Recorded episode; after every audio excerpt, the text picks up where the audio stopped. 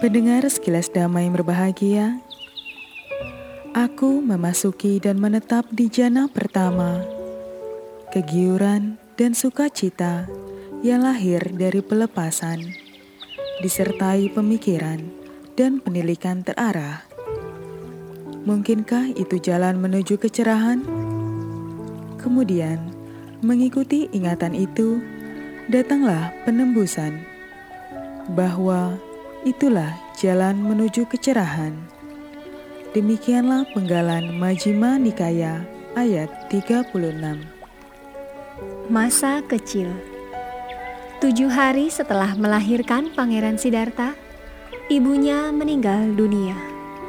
Pangeran Sidarta lalu dirawat oleh ibu tirinya, Ratu Mahapajapati Gotami, yang menyayanginya seperti anaknya sendiri.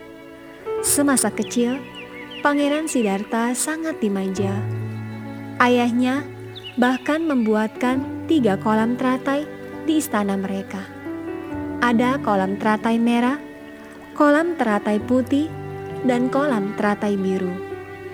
Pangeran Sidarta hanya memakai cendana dari Baranasi, tutup kepalanya dari Baranasi, bajunya dari Baranasi, celananya dari Baranasi, jubahnya juga dari Baranasi.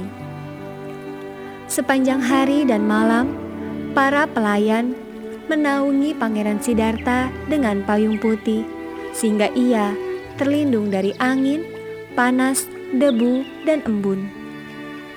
Pangeran Sidarta mempunyai tiga istana: istana musim dingin, istana musim panas, dan istana musim hujan. Selama musim dingin, ia dihibur oleh para penari. Ia tidak pernah keluar istana.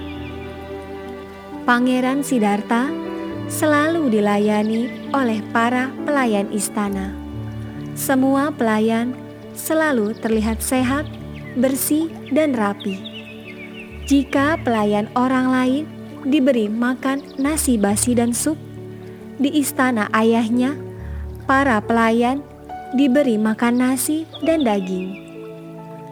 Ketika berumur tujuh tahun, Pangeran Sidarta mulai menjalani pendidikan. Delapan guru yang diundang ayahnya saat ia baru lahir adalah guru-guru pertamanya. Setelah kedelapan guru itu menurunkan semua ilmu mereka, Pangeran Sidarta belajar dari guru lain, namanya Sabah Mita. Guru Sabah Mita berasal dari keluarga terkemuka dan mulia. Guru Sabah Mita mengajarkan Pangeran Sidarta ilmu bahasa, ilmu tafsir, perbintangan, dan agama. Pangeran Sidarta menjadi murid yang terbaik. Ia tidak pernah malas, tidak pernah nakal, dan tidak pernah membangkang. Semua orang menyukainya, ia pun menyukai semua orang. Oleh karena itu, Pangeran Sidarta punya banyak sahabat, bahkan hewan-hewan pun menjadi kawannya. Pangeran Sidarta berasal dari kasta kesatria, jadi ia juga belajar ilmu bela diri, memanah, dan ilmu senjata. Meskipun menguasai ilmu perang, ia lebih suka bersamadi. Suatu ketika, saat perayaan membajak, ayah ingin pertapa Siddhartha melihat ayahnya dan para petani membajak sawah. Namun, ia memilih menyendiri di tempat sunyi. Ia duduk di bawah pohon jambu, lalu bersamadi. Pangeran Siddhartha merasa sangat tenang saat itu terjadi keajaiban.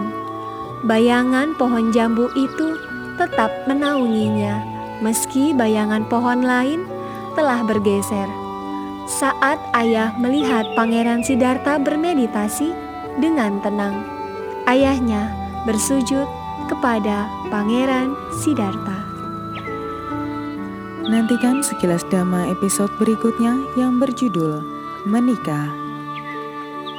Sekilas Dhamma spesial kisah hidup Sang Tata Gata akan hadir selama 100 hari menyambut Hari Waisak 2562